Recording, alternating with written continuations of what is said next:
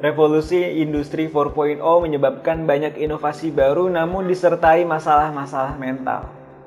Masalah mental ini banyak diderita oleh anak muda karena mereka yang paling banyak bersentuhan dengan dunia internet. Program Generasi Z hadir untuk membahas masalah yang diderita oleh anak muda.